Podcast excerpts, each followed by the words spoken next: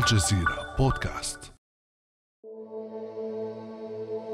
تتصدر مواضيع الحجاب والبوركيني والإسلام السياسي النقاش في فرنسا على الساحتين الإعلامية والسياسية بشكل بات يطرح أسئلة كثيرة حول واقع المسلمين في فرنسا هل المسلمون الفرنسيون مواطنون؟ هل هم جاليات أجنبية؟ ما هو وزنهم؟ ما هو تأثيرهم في فرنسا؟ ولماذا تتنامى ظاهرة الإسلاموفوبيا ضدهم؟ وكيف السبيل إلى مواجهتها؟ بعد أمس من الجزيرة بودكاست أنا خديجة بن جنة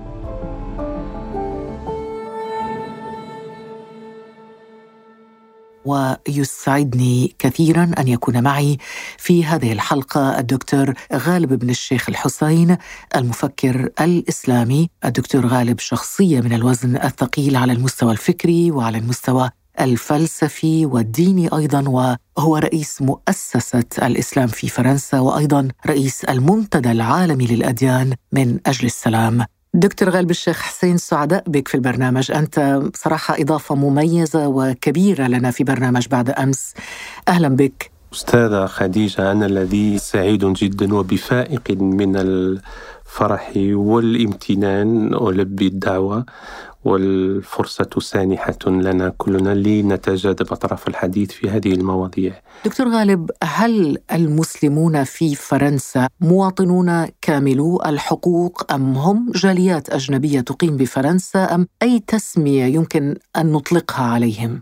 لا أعتقد ذلك لأن الجاليه من الجلاء وهذا يؤشر على أن ربما وجودهم وجود مؤقت بل هم متجذرون الآن ومواطنون فالمواطنة عليها أن كل مواطن أن يقوم بواجباته كمواطن ليفوز بحقوقه أيضا كمواطن. هل يمكن أن يتطور هذا الحق للمواطن الفرنسي الذي يدين بالديانة المسلمة إلى أن يصبح في يوم من الأيام رئيس دولة مثلا؟ من الناحية القانونية البحتة ومن الناحية المبدئية هذا ممكن تماما. أمر الآن هو أن القانون لوحده لا يكفي. هناك ثلاثة نقاط النقطة الأولى هي الجانب القانوني من الناحية القانونية مرة أخرى هذا لا يمنع أن رئيس الجمهورية يكون من أي ديانة أو لا فالمواطن المسلم عليه أن يرشح نفسه وأن يعمل جاهدا في حملته أن يفوز بالانتخابات. أما النقطة الثانية هي علينا أن نأخذ بعين الاعتبار ما يسموه علماء الاجتماع بالسيكولوجية العامة، والنقطة الثالثة هي حتى علماء المسلمين قد أخذوا بها هي العرف والثقافة المحلية. فإذا أخذنا بثلث الأصعدة نرى أن الناحية القانونية تكفل ما تفضلت به أما النقطتان الثانيتان فيها بعض يعني العرف والسيكولوجيا العامة. نعم. طب يعني هذا لم يحدث حتى الآن. لحد الآن لم يحدث ولكن ما نعتقده هو أن مع الوقت الأزمات التي نعيشها الآن سوف تضمحل وتعطي فكرة على المجتمع الفرنسي أتكلم عن العشريات القادمة أن يعني قد يتغير الوضع. أكيد أكيد لأن فرنسا تعيش الآن ما عاشته عبر التاريخ. نحن لا ننسى أن منذ الثورة الفرنسية كانت دائما نقاش حاد داخل المجتمع الفرنسي. هناك من كانوا مع الثورة الفرنسية وهناك من كانوا ضد الثورة الفرنسية. هناك فرنسا ملكية وفرنسا جمهورية. في حادثة وقضية دريفوس هناك من كان مع دريفوس وهناك من كان ضد دريفوس في الحرب العالمية الثانية هناك من كانوا مع الاحتلال الألماني وهناك من كانوا ضد الاحتلال الألماني وفي المقاومة. وأيضا هناك فرنسا التي تعتبر فرنسا الأبدية الكريمة المعطاة لحقوق الإنسان. وفرنسا العنصرية التي قبلت بالإيديولوجيات الاستعمارية. فنعيش أيضا نفس الشيء الآن فهناك فرنسا منفتحة على كل الأديان وغير الأديان وهناك شريحة من المجتمع الفرنسي قد ذهبت ومالت إلى الخطاب أو الانتصار الفكري الإيديولوجي لليمين المتطرف. الإقصائي. الإقصائي. نعم. طيب يعني كلامك يبعث على التفاؤل إنه بعد 20 سنة 30 سنة وأكثر يمكن أن يصل إلى سدة الرئاسة رئيس من يدين بالديانة المسلمة. قد لا يحدث ربما مع جيلك يحدث مع ابنك مع حفيدك. أو الأجيال القادمة. هنا القانون كما قلت يسمح دكتور غالب لكن السيكولوجيا العامة والعرف هل هما مرتبطان بشيطنة المسلم اليوم؟ يعني هناك شيء يسمى بالديابوليزاسيون هل هذا موجود اليوم؟ رئاسة الجمهورية في فرنسا ليست مرتبطة بالانتماء الديني لأن هي مرتبطة بما هي الأفكار التي يريدها الرئيس أو الرئيسة بعد أن يطرح ترشيحه أمام الناخبين فليس بالضرورة الانتماء إلى دين معين الذي هو يهمنا الآن. لأن فكرة المواطنة في فرنسا حتى من الناحية الفكرية والفلسفية لها أهميتها. تجعل من الدول الديمقراطية العلمانية أن الأقليات والأغلبيات ما تكون إلا في البرلمان. الأقلية تسمى معارضة والأغلبية هي التي تقوم بإدارة الأمور. أما الآن أكيد أن شيطنة المسلمين أصبحت رهان لدى الذين يراوغون أيضا ويريدون أن يغتنموا فرصة البلبلة والتذبذب وحتى الانشقاق داخل المجتمع الفرنسي. لكن دكتور آه، غالب الشيخ ألا تعتقد أن المسلمين الفرنسيين هم أيضا يتحملون جزءا من المسؤولية في موضوع الشيطنة أو الحملات الشيطنة التي يتعرضون لها يعني عندما يصر المسلم الفرنسي على ذبح الأضحية في بيته وهو يعلم أن القانون يمنع وهناك أماكن خاصة بذبح الأضحية في عيد الأضحى المبارك أو عندما يخرج مثلا آه، إلى صلاة الجمعة وتسد مجموعات المصلين الشوارع والطرقات أيام الجمعة وهنا لا نعمم طبعا ولكن هذا ما قاله بالمناسبة الدكتور محمد السماك في محاضرته في مؤتمر حوار الأديان قبل أيام هنا في الدوحة هل هذا الكلام صحيح؟ هل يتحمل المسلمون الأوروبيون والفرنسيون تحديدا جزء من مسؤولية شيطنتهم؟ أكيد. في هذه الدول؟ أنت محقة تماما بطرحك هذا السؤال فأنا أعمل دائما بالمقولة الإنجيلية التي تتكلم عن السعفة والخشبة. نرى دائما السعفة التي في عين المخاطب ولا نرى الخشبة التي في أعيننا. أكيد أن المسؤولية الكبرى هي على عاتق المسلمين خاصة فيما يخص العائلات التي هي ملزمة بتربية أبنائها على المشايخ على الأئمة على عمداء المساجد على رؤساء الجمعيات. فنرى أن هناك تصرفات وسلوك غير مقبول تماما. ناهيك عن الأعمال الإجرامية والإرهابية التي تتدرع بذريعة آه، أخذ الثأر للنبي الكريم أو الدفاع عن المسلمين. فما نعمل عليه جاهدين ودون هوادة هي تربية وتوعية وتحصين نشء الجديد والأبناء والشباب ذكور وإناث على أن يتحصنوا أن يتكونوا وبقيمهم الأخلاقية بقيمهم الجمالية بانفتاحهم على الآخرين بنزعتهم للأنسنة أن يكونوا خير سفراء لدينهم ولتراثهم. هذا ما يغذي هذه الحملات حملات الشيطنة. لكن الطرف الآخر الذي يعتبر نفسه ضحية وهو المسلم الأوروبي والمسلم الفرنسي أيضا أيضا تغذي هذه الحملات. أيضا مسألة مثلا منع اللحم الحلال بيع اللحم الحلال في بعض ربما الأسواق ربما قضية البوركيني قضية الحجاب. اذا نحن حتى نكون متوازنين يعني إنه هناك من الطرفين قضية الحجاب البوركيني أصبحت قضية سكيزوفرينية إذا صح التعبير وهي في زخم إعلامي. مرة أخرى أرجع إلى القوانين المعمول بها والتي تكفل لأي مواطن أنه له حرية المعتقد وحرية حتى تطبيق دينه. في إطار القانون وفي إطار الوضع العام الذي يكون آمنا. أما حملات الهمجية التي خاصة تكون في وسائل التواصل الاجتماعي فهذه كثيرا ما تنال من كرامة المسلمين.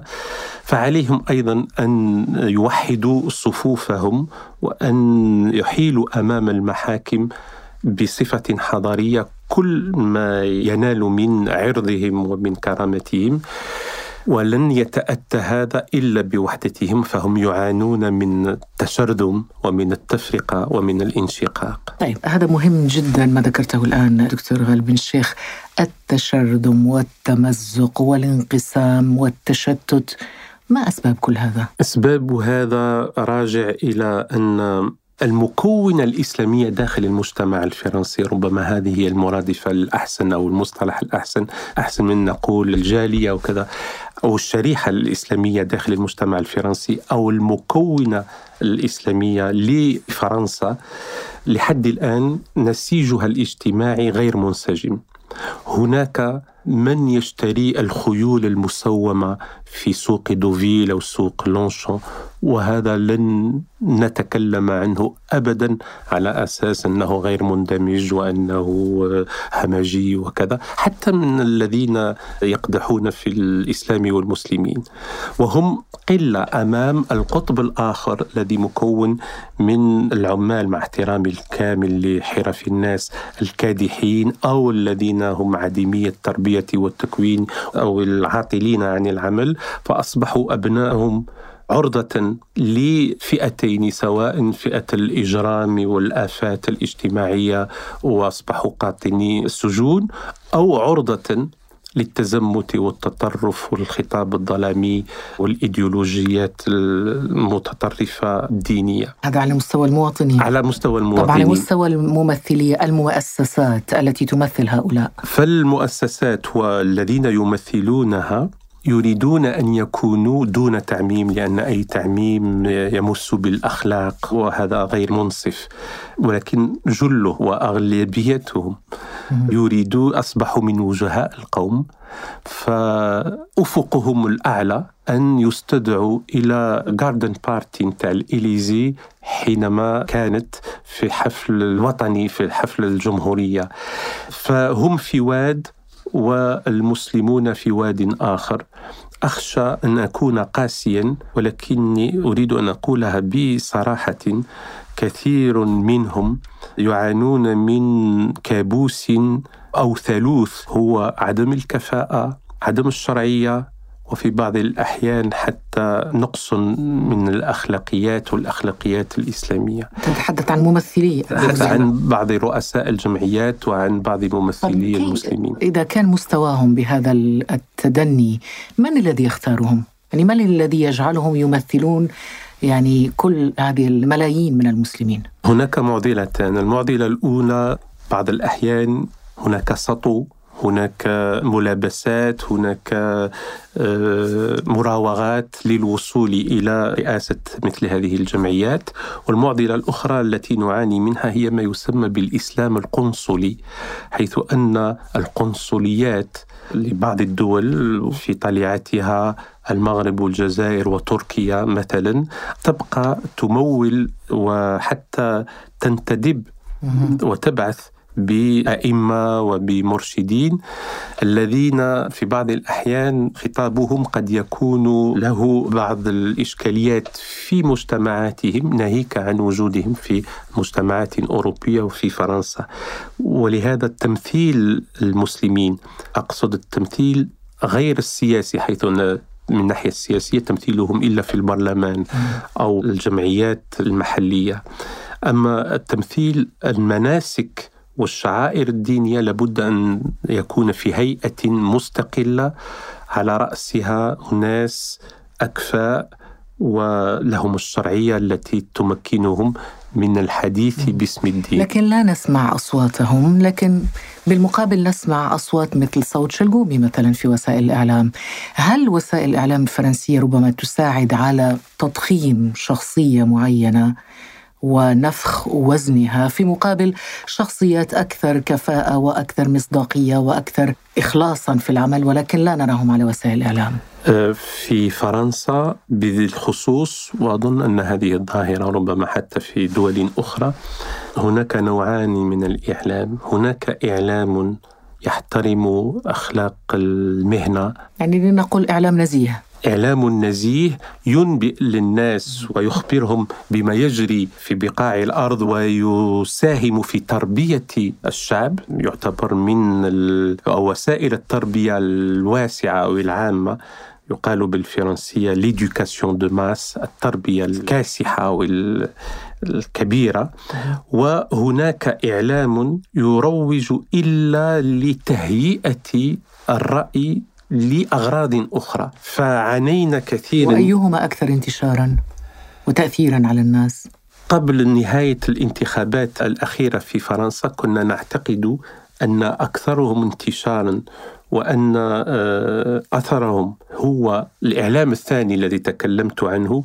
ولكن حينما رأينا نتائج آه، أحد المترشحين فرأينا أن ربما ضخمت الأمر أكثر. بما كنا نعتقده. ولكن هذا علينا أن نبقى بكل حذر أن نتابع مثل هذا الأمر. فعلى مسلمي فرنسا مثلا والعبد الفقير كانت له بعض المشاكل فيما يخص هذه القضية حينما قلت أن ربما قد بنيت كثير من المساجد ومع احترامي الكامل الذين يريدون أن يؤدون صلاتهم في دور العبادة وداخل المساجد بينما قلت ربما الأولوية كانت هي في بناء المدارس في بناء المعاهد في بناء المكتبات في بناء أيضا حتى دور الإعلام. هذا أهم بكثير من بناء إلا المساجد لأن ممكن الإنسان أن يصلي في بيته ولكن عليه أيضا أن يجد كيف يدافع عن حضارته وأن يقدم صورة نبيلة صافية عن تعليمه السمحة. هنا دكتور غالب ربما يأتي دور صناع الرأي العام والقيادات القيادات الفكرية والدينية والسياسية لصناعة إنسان مسلم صالح. وبالفعل الكلام الذي قلته الآن كلام في غاية الأهمية وهو أنه لا نبني هذا المجد ببناء المساجد فقط ولكن بناء الإنسان يبدأ ببناء مؤسسات التربوية وبناء عقل الإنسان. ما الذي تفعلونه أنتم في مؤسسة الإسلام في فرنسا لتعزيز تنمية عقل الإنسان المسلم في فرنسا. سيدتي الفاضلة هذا هو لب وجوهر ما نقوم به هي أن الدراسات الأكاديمية قبل كل شيء وتوعية الفكر وانفتاحه على التيارات الفلسفية على مثلا الحقبة التاريخية ما بين ما يسمى وقت ديكارت إلى وقت فرويد. لابد أنها تمحص وتدرس وتهضم وتنتقد وأن نتجاوزها لأن عانينا كثيرا من أن ما قبل الوحي فهو من الجاهلية ولا ندرس حكمة قدماء الإغريق وما بعد الوحي يكفينا ولا ندرس التيارات الفكرية الأخرى بينما نحن نقول بالعكس لابد من الانفتاح واستقلالية الحقل الاكاديمي والبحث العلمي لتكوين نشء جديد له فكر نير. دائما مع النزعة للأنسنة والانفتاح على الاخرين وعلينا أن ندرس ما وصل إليه الفكر الإنساني بصفة عامة ونرى كيف أن ندخله في بوتقة الحضارة الإسلامية دون التغني بالمجد التليد بل نقول ما كان ممكن في وقت ما فهو ممكن الآن وتصبح الحضارة ليست إسلامية أو مسيحية بل هي حضارة إنسانية فيها بعد إسلامي. وهذا هو الهدف من تأسيس مؤسسة الإسلام في فرنسا؟ نعم هذا هو هدفها الأول بما فيها أيضا البعد الثقافي الناس لا يعلمون مثلا أعزاء الذين يستمعون إلينا الآن لا يعرفون أن ملوك فرنسا حينما يتوجوا كانوا يتوجون والوعاء الذين يستعملونهم في حينما يعتمدون هو وعاء مصنوع من حرفيين مسلمين. إنهم لا يعلمون أن بعض القطع فيما يخص متحف اللوفر وخاصة دائرة الفنون الإسلامية فيها آثار وفيها أمور تنبئ على أن الفن الإسلامي هو أيضا فن عالمي وفن إنساني. نحن نتكلم عن البعد العلمي للحضارة العربية الإسلامية أو التي كانت ناطقة باللغة العربية في شتى العلوم طبعا. دون التغني بالماضي مرة أخرى بل نقول أن ما كان ممكن في وقت ما عليه أن يكون ممكن في وقت آخر. وتعملون بحرية. ليس بدون مضايقات لأنه سمعنا أن هناك مؤسسات إسلامية كثيرة تم غلقها ربما تصل إلى 700 مؤسسة. المؤسسات التي تم غلقها كان بعمل قانون جديد هو قانون ضد الانفصالية وفي الحقيقة لا يسمى قانون ضد الانفصالية هو يسمى رسميا قانون تكريس مبادئ الجمهورية.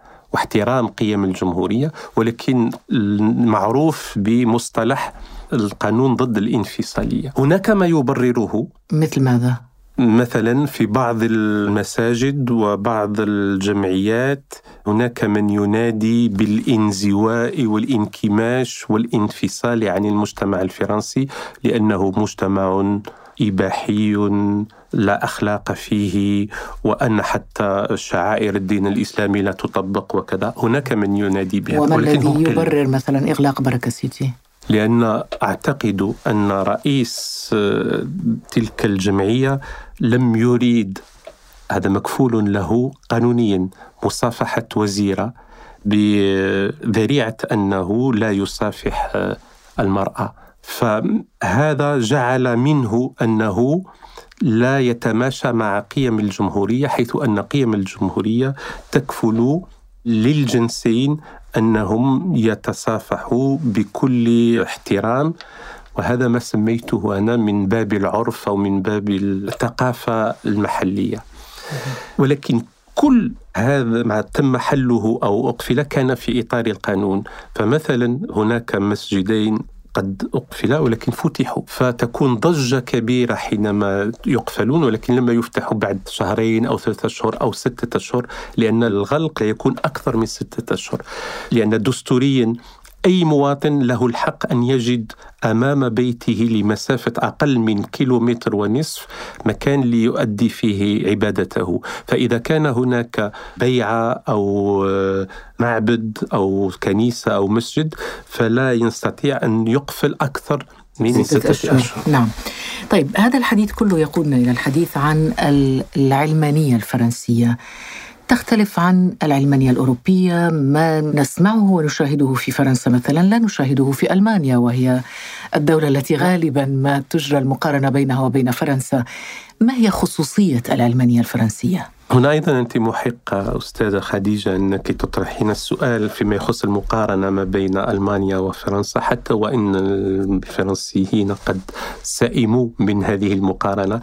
فأنا أقول أن مثلا فيما يخص الانتخابات العامة التي عرفتها ألمانيا مؤخرا. مؤخرا يعني في أيلول المنصرم. الحملة الانتخابية كانت حادة في كثير من الأمور ولكن كلمة إسلام لم تنطق ولا مرة واحدة. وهذا غريب جدا خاصة ونحن نعلم طول فترة الحملة الانتخابية. طول فترة الحملة الانتخابية. ولا كلمة عن الإسلام. ولا كلمة عن الإسلام. مع أنه كم سوري موجود في ألمانيا. يقال أن هناك أكثر من مليون لاجئ. معظمهم أو جلهم من المسلمين وربما حتى فئة قليلة جدا لأننا لا نريد أن نعمم قد تصرفوا بتصرف غير لائق ولكن مع هذا كله فالإسلام لم يكن موجود في الحملة الانتخابية. هذا لا يعني أن ليس هناك يمين متطرف أو إيديولوجية متشددة بل المقارنة مع فرنسا قد تكون حيث أن يوميا قبل الحملة الانتخابية وحتى الآن الإسلام مرادف إلى كلمة عنف إلى كلمة تقهقر إلى كلمة تخلف إلى كلمة إلى كلمات نابية إلى كلمات تقدح به. وهذا أيضا سئمنا منه. هذا ما يخص فرنسا. أما السؤال عن العلمانية فخصوصية بفرنسا هي أن أولا علينا أن نعطي مفهوما أو تعريفا صحيحا لمفهوم العلمانية. العلمانية ليست دين من لا دين له. وليست آه، فلسفة للدولة مثل ما يقال، بالعكس هي مبدأ قانوني يكرس الحريات الأساسية بما فيها حرية المعتقد وحرية التدين. أيضا هي الحياد للدولة أن لا تعترف بأي دين وتحمي كل الأديان وتضمن للمواطنين التدين. وأيضا أن الدولة لا تمول دينا وتفضله عن الأديان الأخرى. هذا هو الحياد الديني. أما السيكولوجية العامة هي أننا لا ننسى أن تناطح والصراع الذي كان مع الكنيسة في بداية القرن المنصرم وخاصة في 1905 كان كبير جدا أن أكثر مما عليه الآن مع الإسلام حيث أن كانت إراقة الدماء. لا ننسى أن النقاش آنذاك والجدال المحتدم أو الحاد جدا كان حتى عن ما ترتديه الراهبات. كانوا ربما آنذاك يريدون منع للقساوسة أنهم يخرجون بالثياب الديني.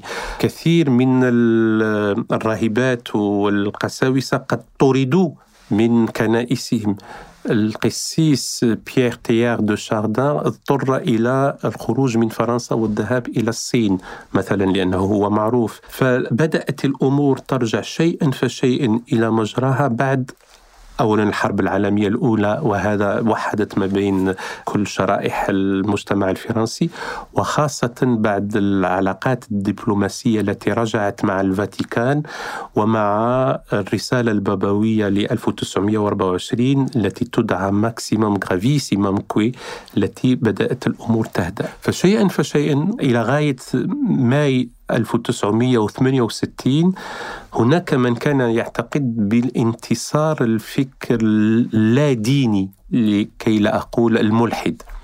تصوري أستاذة خديجة أن مثلا كلمة الله لم تقال علنا بل يقولون الترانسندانس يعني المفارقة هناك من لا نتكلم عن الدين بل نتكلم عن الروحانيات لا نتكلم عن الصداقات بل نتكلم عن التضامن ففي مثل هذا الجو وخاصة نتائج دراسات صبر الآراء تعطي الأغلبية للذين ليست لهم مرجعية دينية ففي مثل هذا السياق وفي مثل هذا الجو نرى بروز إشكاليات دينية وبطريقة في بعض الأحيان غير حضارية.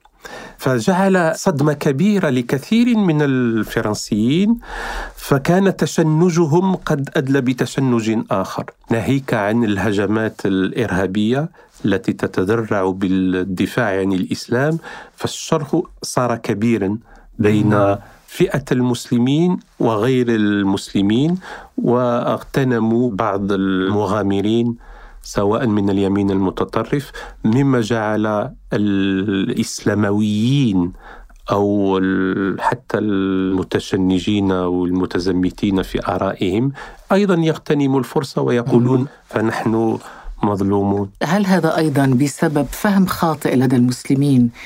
لمفهوم العلمانية على أساس أنه كل ما هو علماني هو ضد الإسلام؟ نعم لأن كثير من الحالات هناك فهم خاطئ بكل صدق نية وفي بعض الأحيان للأسف الشديد بسوء نية حيث أنه يقال ويروج على أن العلمانية هي ضد الدين والحكم بما لا دين له فأصبح كأن العلمانية أصبحت مرادف للإلحاد وأن كل ما هو علماني أصبح ملحدا ويتنافى تماما مع قيم الإسلام. نعم.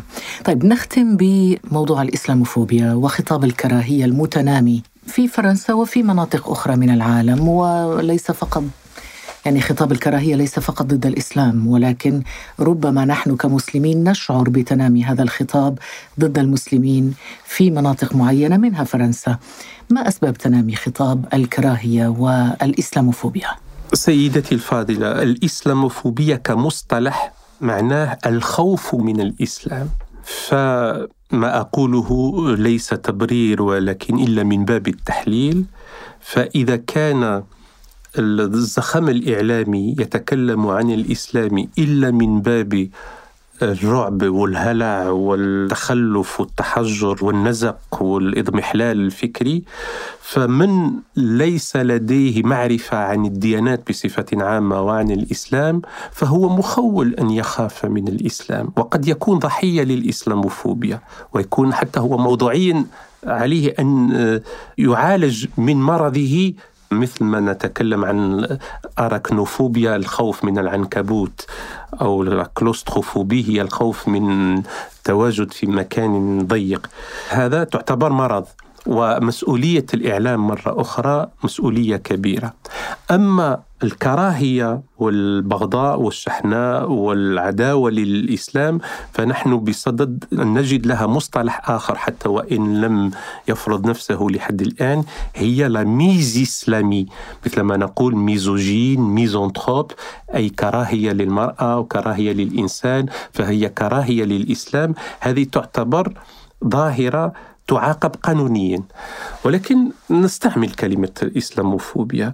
أكيد أن فيما يخص شريحة معتبر بها في فرنسا الخوف والكراهية للإسلام معا أصبحت أيضا من المشاكل الكبرى التي ممكن أن تفهم في حرب استقلال الجزائر. وأن مثلا في فرنسا إلى غاية 1997 لا نتكلم عن حرب الجزائر بل كنا نتكلم عن الأحداث. فالوزير الأول ليونيل جوسبان آنذاك هو الذي رخص على أن نتكلم عن حرب الجزائر. وهذا أيضا يفهم حيث أن 35 سنة أو حتى 60 سنة في عمر الشعوب والأمم قليل. ليست عمرا طويلا. ليست عمرا طويلا. يقال أن أحد الصينيين سئل عن انطباعاته حول الثورة الفرنسية. قال آه إن الثورة الفرنسية ليس لنا البعد التاريخي الكافي لكي أعطي انطباع مصيب. فهذا يرجع إلى أن تدخلات كبرى فيما يخص الحرب الاستقلال في الجزائر فيما يخص المغالطة الكبرى هي أننا نزاوج ما بين الإسلام القضايا الإسلامية وقضايا الهجرة وقضايا الاغتراب. ولكنها مرتبطة. هي مرتبطة بكون أن المهاجرين مسلمون. أكيد أن هناك ارتباط وفيه تقاطع وإحدى تغذي الأخرى ولكن علينا أن من الناحية الأكاديمية أن نعالج الأمرين بصفة منفصلة, منفصلة. ولكن طالما أنك ذكرت مصطلح التزاوج بين الهجرة والإسلاموفوبيا هل ترى أن هناك تزاوج بين الإسلاموفوبيا والشعبوية يعني خطاب الشعبوية الذي أصبح موضة الآن والإسلاموفوبيا. نعم هذا يعبئ كثير من الناخبين حينما يتكلم بكل بكل سخافة وسهولة عن الإسلام والمسلمين بصفة غير لائقة. ونرى الغريب في الأمر أن الذين ينتخبون لليمين المتطرف هم الذين لا يعرفون المسلمين وليس هم مع احتكاك مع المسلمين.